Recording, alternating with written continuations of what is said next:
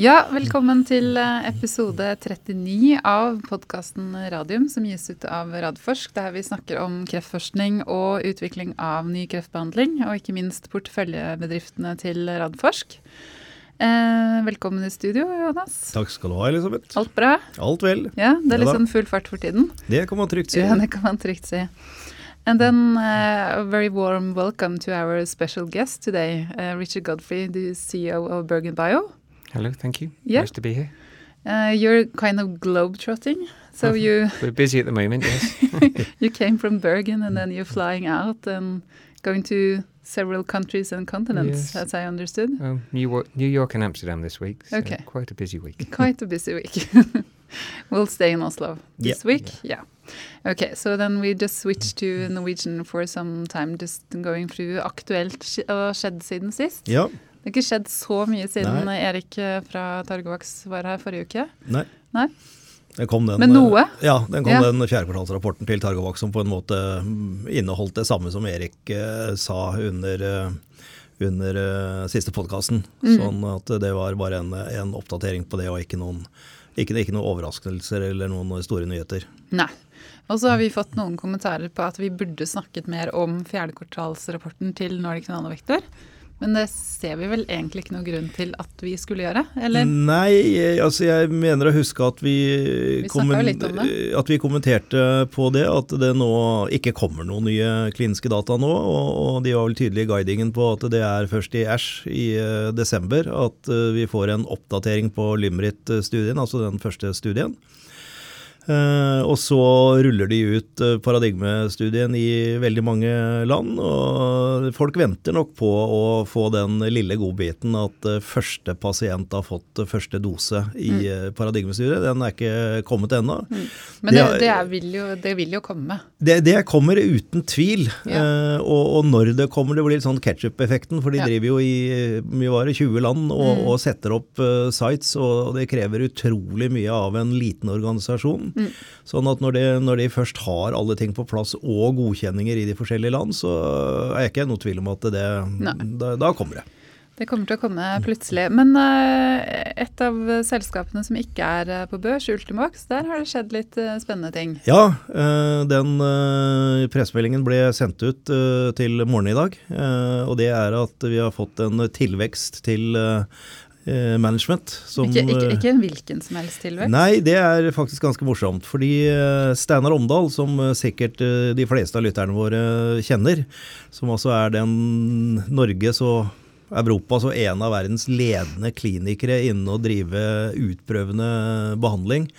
Jeg har jo ledet utprøvingsenheten på Ramsdal og bygd opp den fra bunnen av. Han eh, Siden 96 eller noe Ja. sånt? Ja. Mm. så han gikk av med pensjon eh, på torsdag eller fredag i forrige uke. Eh, og i går hadde han sin første arbeidsdag som chief medical advisor i Ultimovax. Mm. Så han Eh, hadde, hva var det, han- hadde helgen som pensjonist? han hadde en hel helg som eh, pensjonist, og, og det er han og Gustav Gaudnak og Gunnar Kvalheim og disse eh, pionerene våre som brenner så for dette at de syns det er fantastisk morsomt å være med videre. Så han skal være med nå og legge det kliniske løpet for Ultimovox, som vi kommer tilbake til senere, men som har veldig mye spennende data fra sine første tre kliniske studier, og planlegger nå å starte en ny studie i USA som skal være oppstarten til en forhåpentligvis pivotal eh, studie med første pasient inn i april. Eh, flere spennende ting som skjer i Ultimovax, og vi har nå startet eh, arbeidet med å se om vi kan få til en børsnotering av Ultimovax i løpet av året. Ja. Men, eh, men Steinar og, og Gunnar og, og, og Gustav, som du nevnte, de skal vi ha i studio. For de er jo de tre musketerer. Ja.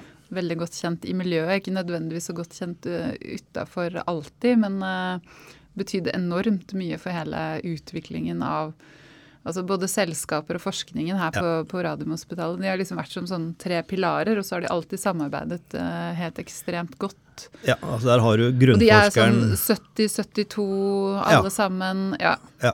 Så de, de skal vi få i studio. Det blir tror jeg. Det, men da må vi sette av noen timer, tror Da jeg. må vi sette av litt tid. Ja.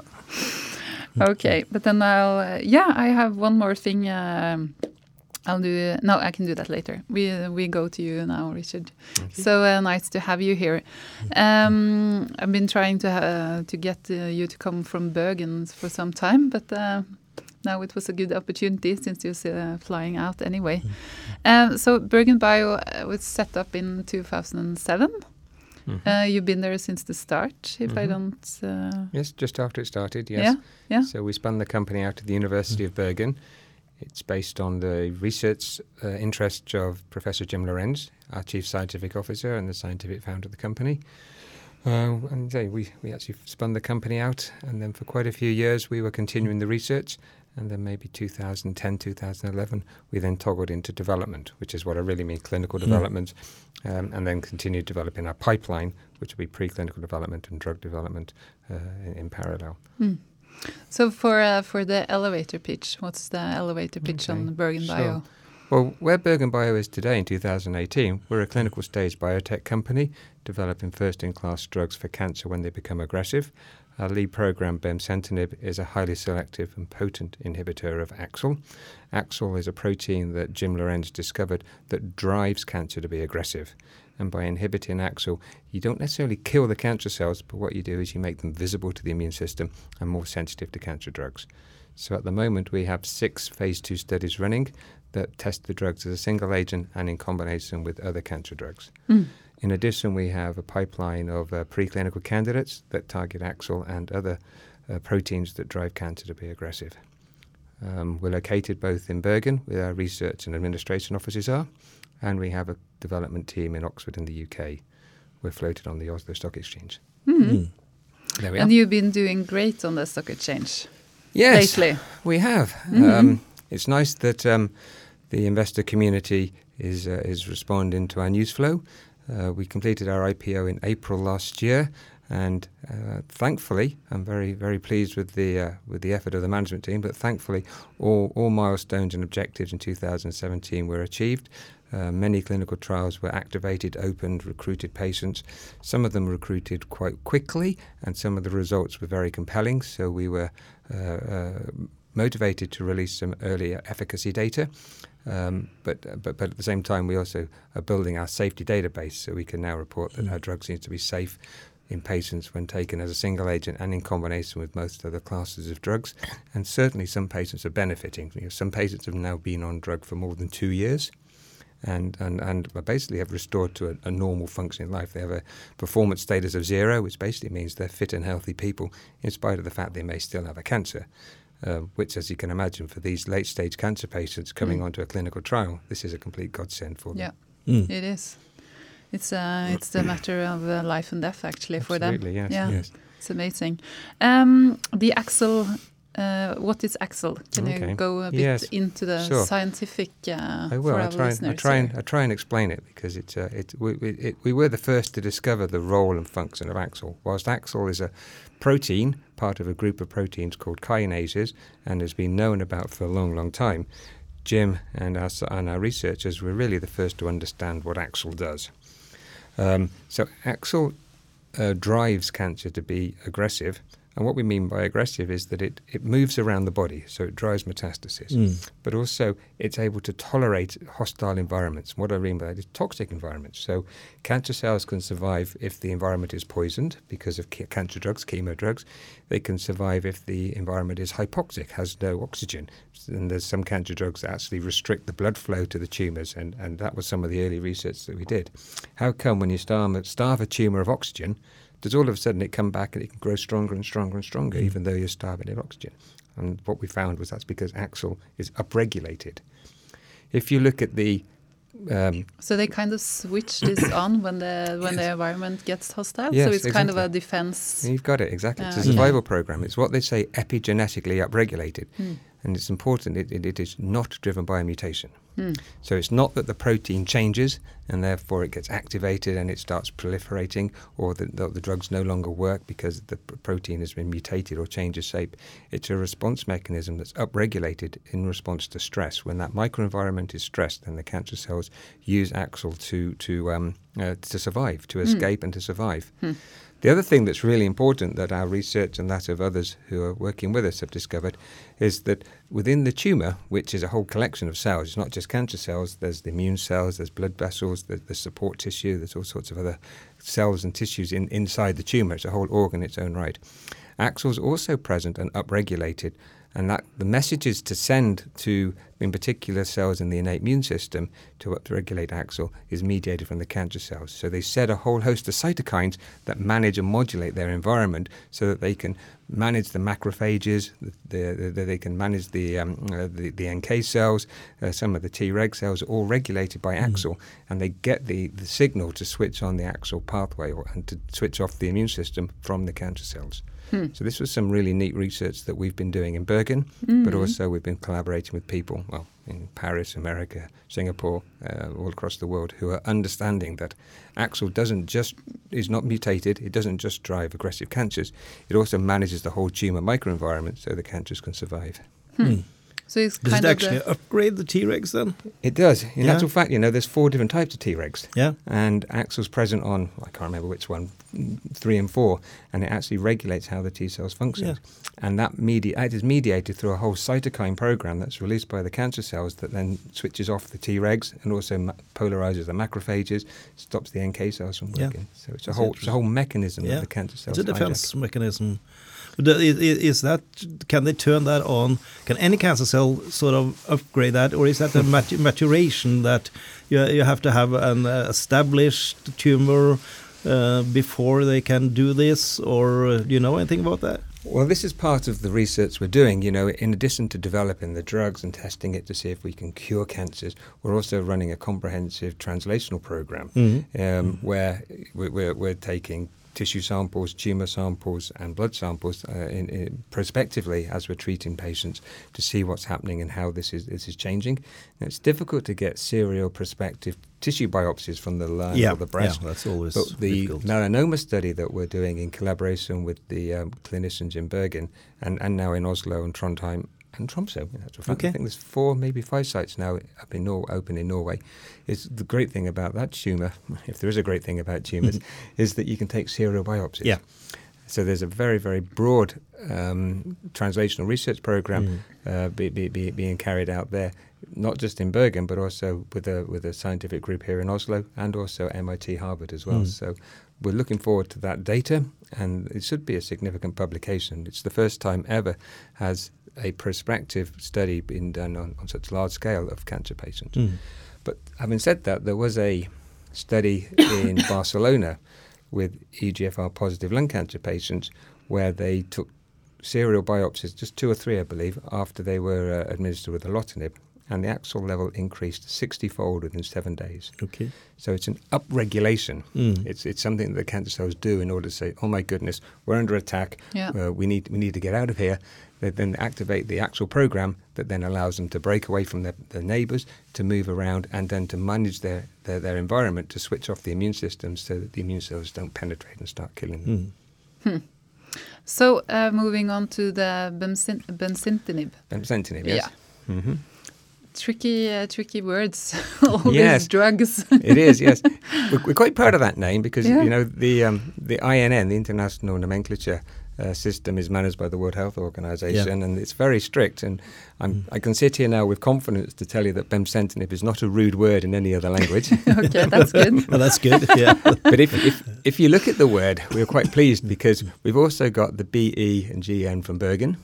And we've also got EMT, which is epithelial to mesenchymal transition, part of the mechanism that, that our drug inhibits. So I managed to weave in a few things that are close to our mm. heart into the name. so we're, we're, quite proud of that. But yes, so bemcentinib, as I said in the introduction, it's a it, it's an oral pill, just one a day pill, and I think that's really quite significant. That's important. Mm. Very important. Uh, highly selective, and I'm going to come back to that because kinase inhibitors, as you know, have been around for a long time. There are many kinase inhibitors on the market. Some of them will hit AXL, but they'll also hit many other kinases. There's, there's maybe 400 different kinases in mm. our body, so mm. you know each one's got a specific purpose and function. If you start inhibiting them, you get all sorts of side effects. Mm. So selectivity for AXL was really important. Um, uh, potent, so I say uh, with, with good drug-like properties, one a day pill. and it seems to be well tolerated, and that's really important. So that patients not only can they can they take it every single day, but they can take it for for, for months and years. So there's- no other uh, cells than cancer cells that up, upgrade uh, AXL to defend themselves if you have an autoimmune disease or something like that. Is the No, that, no, that's that- no that- problem. That's not that's not uh, that those conditions do not upregulate AXL. Okay. But your your question is is really quite pertinent because the the research is now leading us to an expression called cellular plasticity. So AXL mediates um, changes when cells change from one form to another, um, which is exactly what's happening in the tumor cell. That's when they start moving, right? Start moving around. Yeah. So one of the really interesting questions that that I was first I first presented was, you know, how come a prostate cell, for example, can leave the prostate, move around the body, where we understand uh, that mechanism, but then it can get into the bone marrow. Yeah. And then it can not only survive there, but it can prosper there. Mm. It, it's an alien particle. It should be observed and killed by the immune system. Yeah. Uh, a group from um, the Marsden in London published at AACR last year how they took matched biopsy samples of, of, of uh, prostate tumours and, and metastatic tumours. They were identical in every way except for AXL, AXL was massively upregulated. Okay. And it was concluded that AXL, that the, the cancer cells, the tumour cells, are addicted to the AXL signal in order to survive in an alien environment. But now what we're starting to understand is that AXL is also responsible for some other plasticities that, that mediate other pathologies. Uh, so that's quite interesting Mm, as well. So mm. we have a lot of inquiries from researchers all over the world who are observing that in some patients, in some diseases, AXL seems to be a mediator of it. Yeah. Whether it's the essential mediator is part of the ongoing research. And I think that's probably the key word is essential mediator. Yeah. Sometimes it's part of a program uh, that, that, that's causing disease. And I think in some cancers, some aggressive cancers, AXL is the essential mediator. Hmm. Yeah. Oh, that's very you, interesting. you, of course, as a company, has to focus on on the clinical hmm. program and producing clinical data, but it's it's a lot of very fun science you do too. Oh, it's really fun, yes. I mean, that's a key thing as I was preparing to say that focus needs to be really important because, you know, we're, we're, we, we, we've, we've, we're enjoying a lot of trust from our investors, Mm. from those that have supported the company for many, many years. Hmm. And the research is really fascinating, gets Yeah. richer and richer, and, and groups from far afield are, are getting interested in this, but we need to stay laser focused on what we're doing. Yeah. Hmm. We've got these clinical trials that we're supporting. We have a second program against AXL as well. And, you know, regrettably, you know, other things have to slow down a bit. Yeah. Uh, that's that's just reality. It's better to get one thing right than lots of things Yeah. going very very slowly. What, what, is, what is your strategy with the clinical program? I mean, you, you do a lot of clinical trials now, uh, and probably to collect as much data as Yeah, possible, the safety data and the immune responses, and then you will focus to, to get this one or two trials. Exactly. Yeah. You're spot on. Again, it, it's it's understanding what it really means to be developing a Mm-hmm. first in class. This is not a protein that pops up in one tumor uh, in one subset of patients. It's not a mutation that represents a small patient population. This, as far as we know, is every every cancer when it's Mm-hmm. aggressive upregulates AXL. It's about then finding the, the, the markers that can direct us to those patients. Yeah. So you know, some some might call this signal hunting. I Mhm. think it was exactly the same as when they were developing the checkpoint inhibitors. They did the large basket trials Yeah. of you know, many many different tumors, and that's in parallel they were looking for the PDL1 expression, and then afterwards then they could laser point the the Mm. tumors to say okay PDL expression greater than fifty percent uh, would then benefit from uh, the checkpoint inhibitors, and that, was, Yeah. that directed that research. So the benefit, of course, being first in class is you have first mover advantage. So Yeah. that Mm. we, one would hope that if you can find the tumours and then the, define the phase three studies, you know, they will be quite compelling, and then we can get to the market, and then after that you can then expand out with label extension studies as Yeah, well. and, and the ultimate goal will be a biological indication and not uh, Ah. breast cancer or Oh, prostate yes. So cancer. just like satellite instability, Yes. it'll be AXL expression. yeah, So, you know, in actual fact, the very first patent that we filed in BerGenBio was the use of AXL expression as a marker and a prognostic for cancer, for aggressive cancer. okay. We filed that right at the be- end of 2007. Hmm. Of course, little value until you've got an AXL therapeutic, um, but we've now developed AXL diagnostics so that we can understand what's happening in the tumor. Mm. Now, whether it's AXL alone or whether it's a signature related to AXL remains to be seen in the data, but we hope to be able to find a patient population that whose disease is characterized by AXL and then will benefit from taking our drug. So then one day, just like with the checkpoint inhibitors, Yeah. we can say, well, unfortunately, you have a tumor that is rich in AXL. Um, that, that correlates with poor prognosis. We know that. However, we have got a, an AXL inhibitor that seems to be performing very well, and we recommend you take that and then another drug in combination. But that, I mean that, that that's the same thing with with with the checkpoint inhibitors, because it's it's that has the most expression of PD1 or PDL1 that has the, the worst prognosis, and that's where the drug works best. Of course. Yeah. Exactly the same Mm, parallel. mm. Exactly the same. So you find the way in which the cancer cells can hide and evade the immune system or switch off uh, the immune system and then and then you block that and then all of a sudden you can you can then start treating the cancer either with the immune system itself or by a combination of immune mediated death and um, uh, chemotherapy or, or, or something else. Mm. And, and you al- and you are developing, or you have a biomarker already? Oh no, we have biomarkers, Yeah. and we are developing an assay to, or, or companion diagnostic. Hmm. So, of course, you can only do that when you have tissue samples, Mm-hmm. and you have to have both the pre and post uh, treatment tissue samples. So that's that's a big part of our ongoing clinical trials. Uh, that we take tissue samples and we have them analysed. So we've developed the assay, we've transferred it to a GLP or CLIA lab, uh, and they're, they're running the, the assays at the same time as we're getting the data. Hmm. And and in collaboration with Merck, of course, they're very very interested in similar Yeah. things. So we have a, a, a, a collaboration, scientific collaboration with Merck, where we're, we're sharing the tissue samples, and they're Okay. doing some of the analysis, and we're doing some of the analysis. And we hope that one day we'll be able to see an overlap of the PDL1 and the other immune markers that Merck is interested in, and the AXL and the markers we're interested in. Hmm. See an overlap, and we hope that will be the patient population that benefits. That's important, uh, Richard, that uh, your collaboration with Merck is not only that they uh, supply the drug for you, but you also have a scientific collaboration. There's a scientific collaboration Yeah. there as well, exactly, Good. yes. So the story with Merck is interesting. They're, they're, they're a very, very scientifically orientated company. Um, and their science is now paying off, particularly in, in oncology and checkpoint inhibitors. They're, they're now number one. Mhm. You know, a few years ago, of course, they were. They actually said this to me. They were they were, they were science rich, rich and P and L poor was what they said to me because you know they they were slightly slow to the game. BMS were dominating, Mm. and they had this indication where only patients with high PD-L1 expression could get Yeah, could get yeah. could get could get the Keytruda. So their their executives kind of in a rather frustrated tone said, "Well, as you said, you know, we're science rich but P&L poor. We need to do something." So that was part of their strategy for doing very wide clinical trials. Yeah. But it fits really well with our philosophy. They wanted to stay high on the high ground for the science. They didn't just want to open the doors and let everyone have the drug, but only 20% people benefit. They wanted to have a much higher success rate. And it's really worked for them. So we completely connected at a scientific level. Once they sat down and, and paid attention and understood the science of AXL and, and why it was so relevant to immune evasion, then they really got quite excited about the Mm. potential of combining the two drugs. Um, however, we're talking a lot about checkpoint inhibitors and immune evasion, which is a really important part of the AXL story. But at least we forget it's a whole program that cancer cells use to hide when and survive when they're under attack.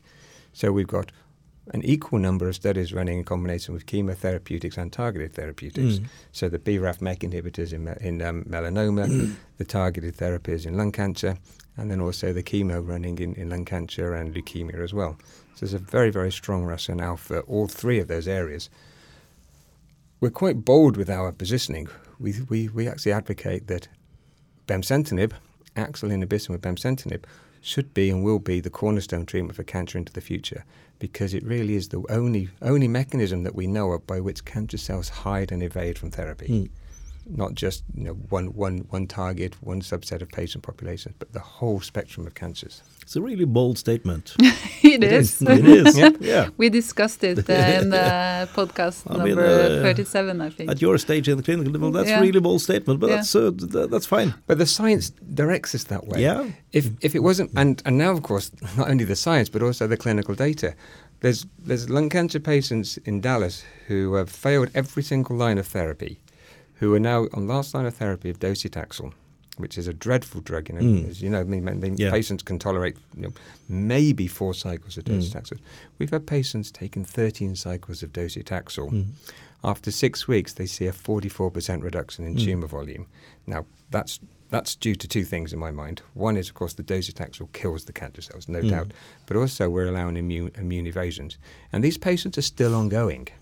It, it's, it's a remarkable result.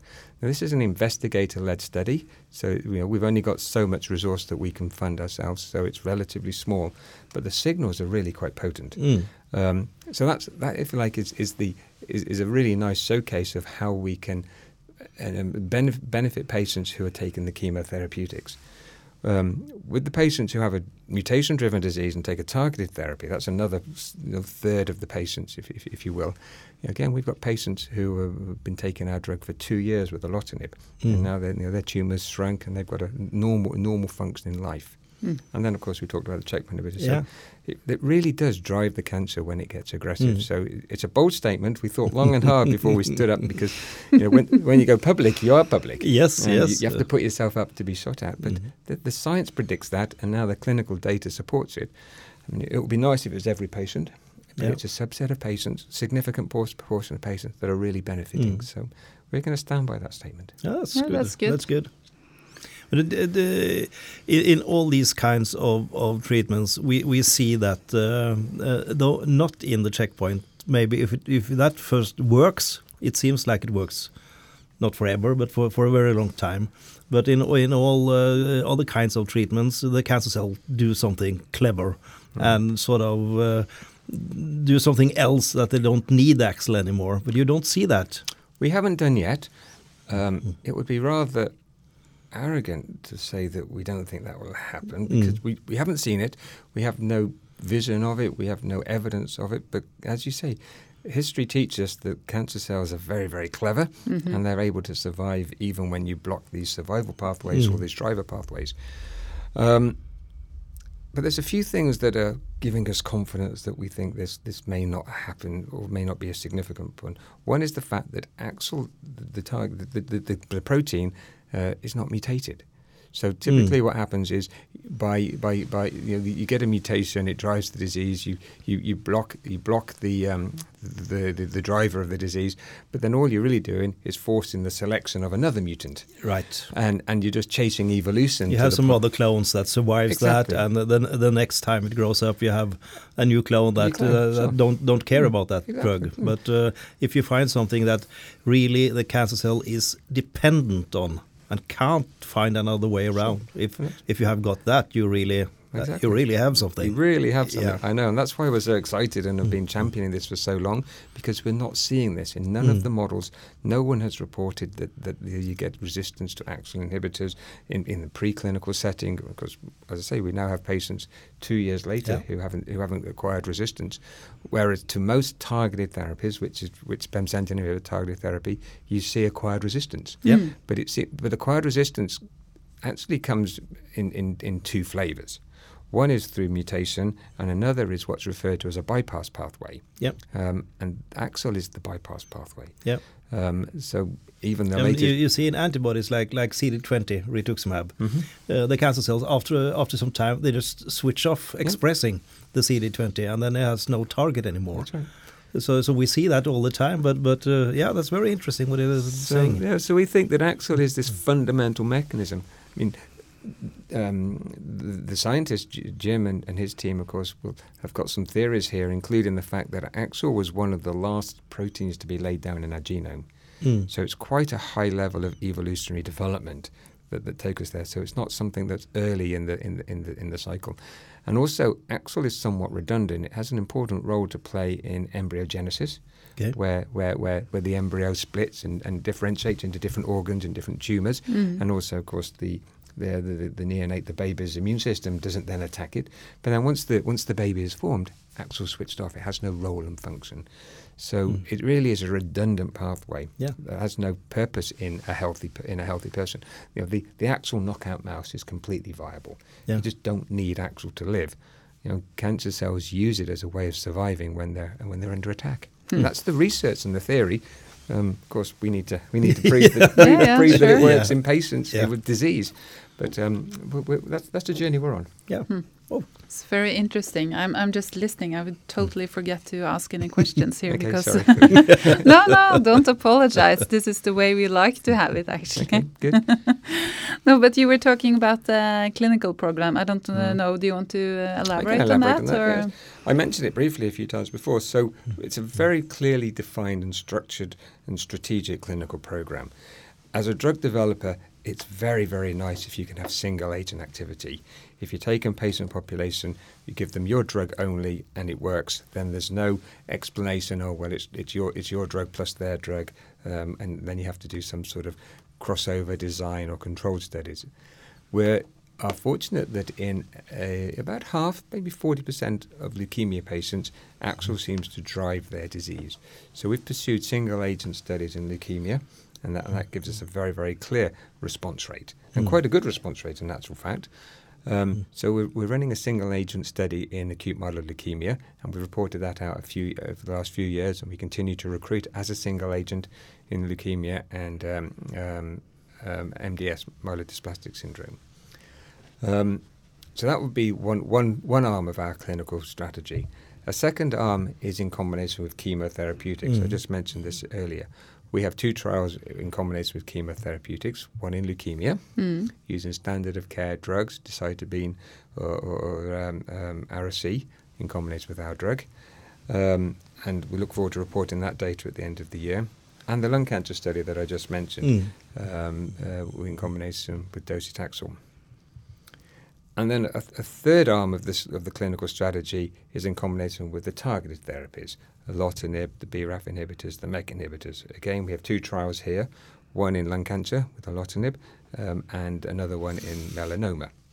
Um, in both melanoma and lung cancer, patients take who have a disease that's driven by a mutation take these targeted therapies. Mm.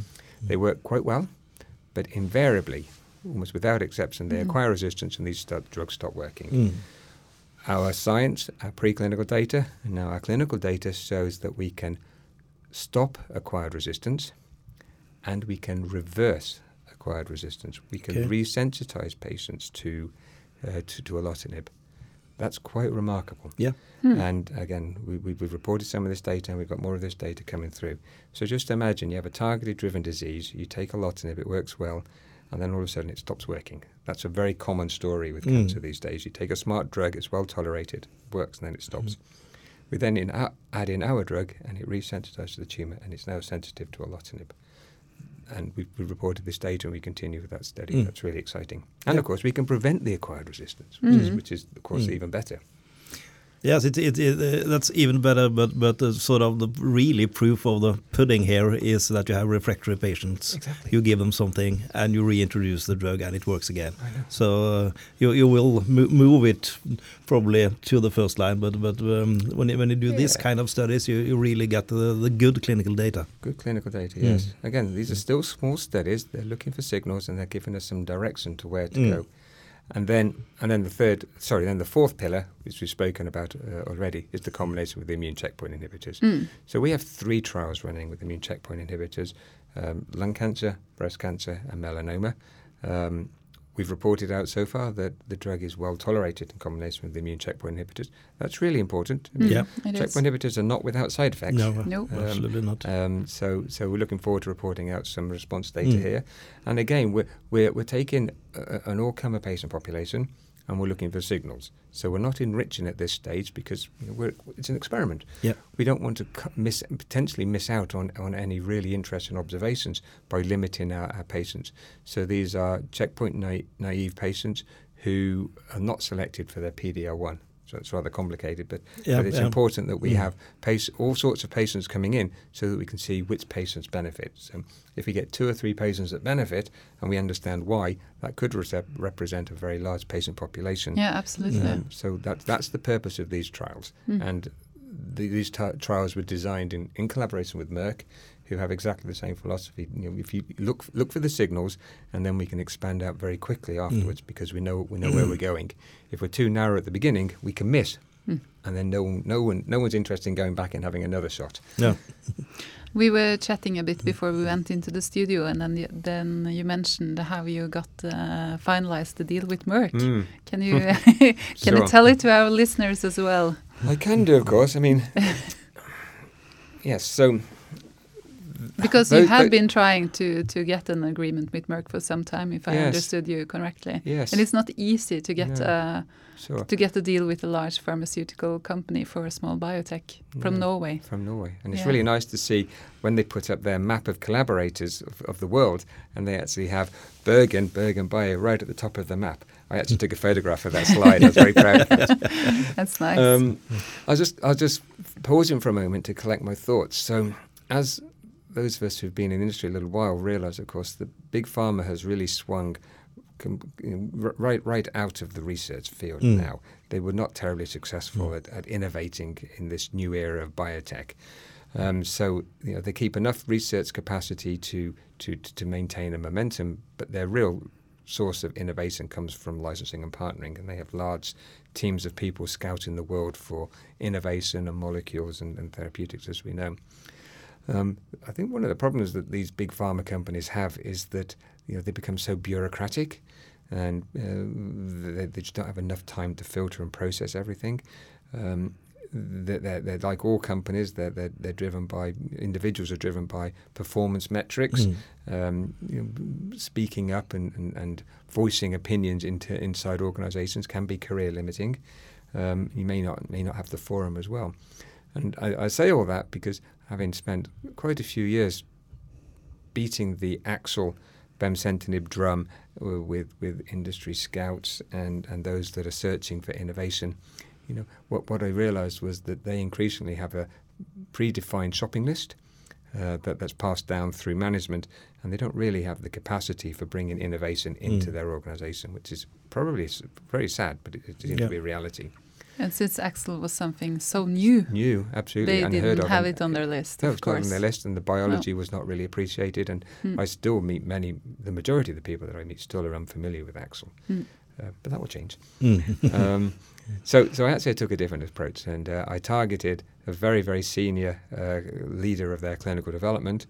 I attended a conference where he was presenting, I positioned myself so that I can make eye contact, and then after he presented, I, I, I, I interrupted him, collared him, gave him the elevator pitch.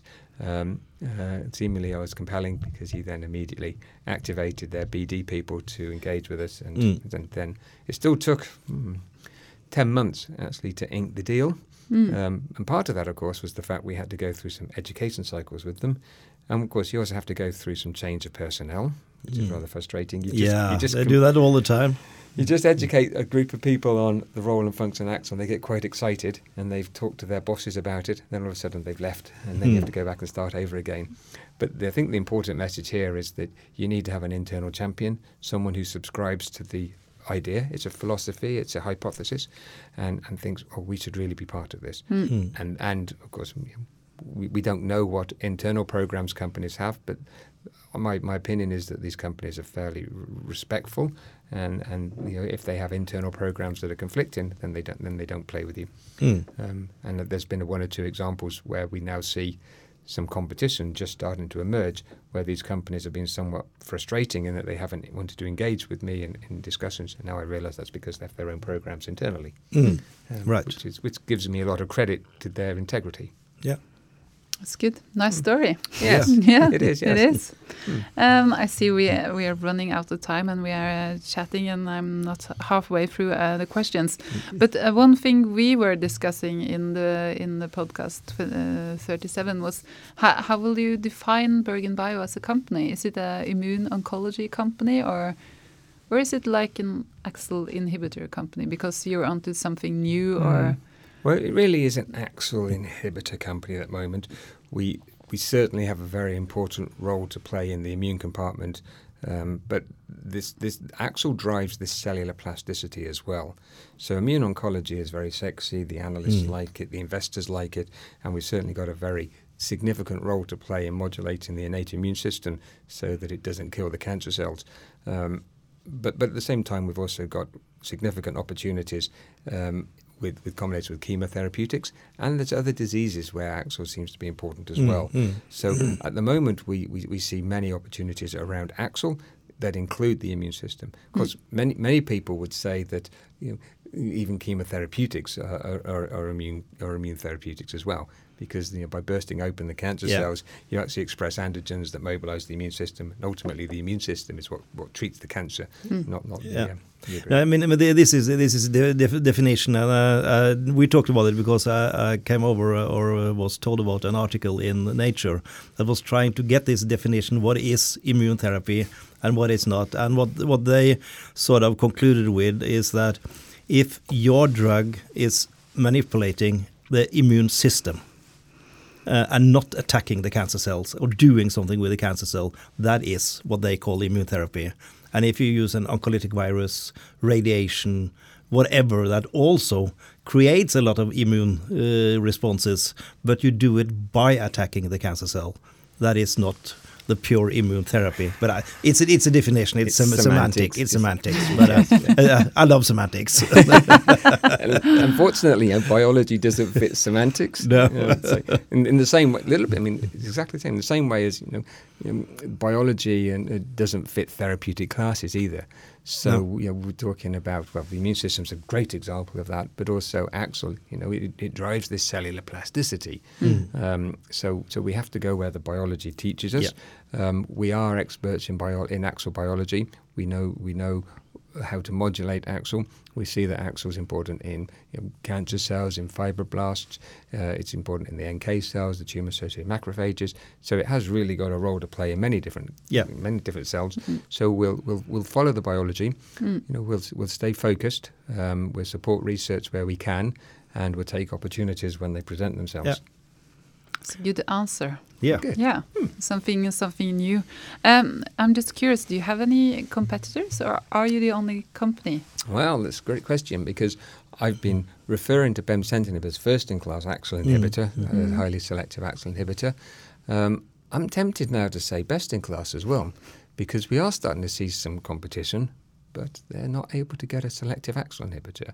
Okay. Um, a MedChem group from Pfizer published a paper last year around AXL kinase, and they concluded that it was very, very, very difficult to get a selective AXL inhibitor because of the, the, the medicinal chemistry of it and, and creating some IP space. Um, they also said it didn't lend itself to allosteric inhibition.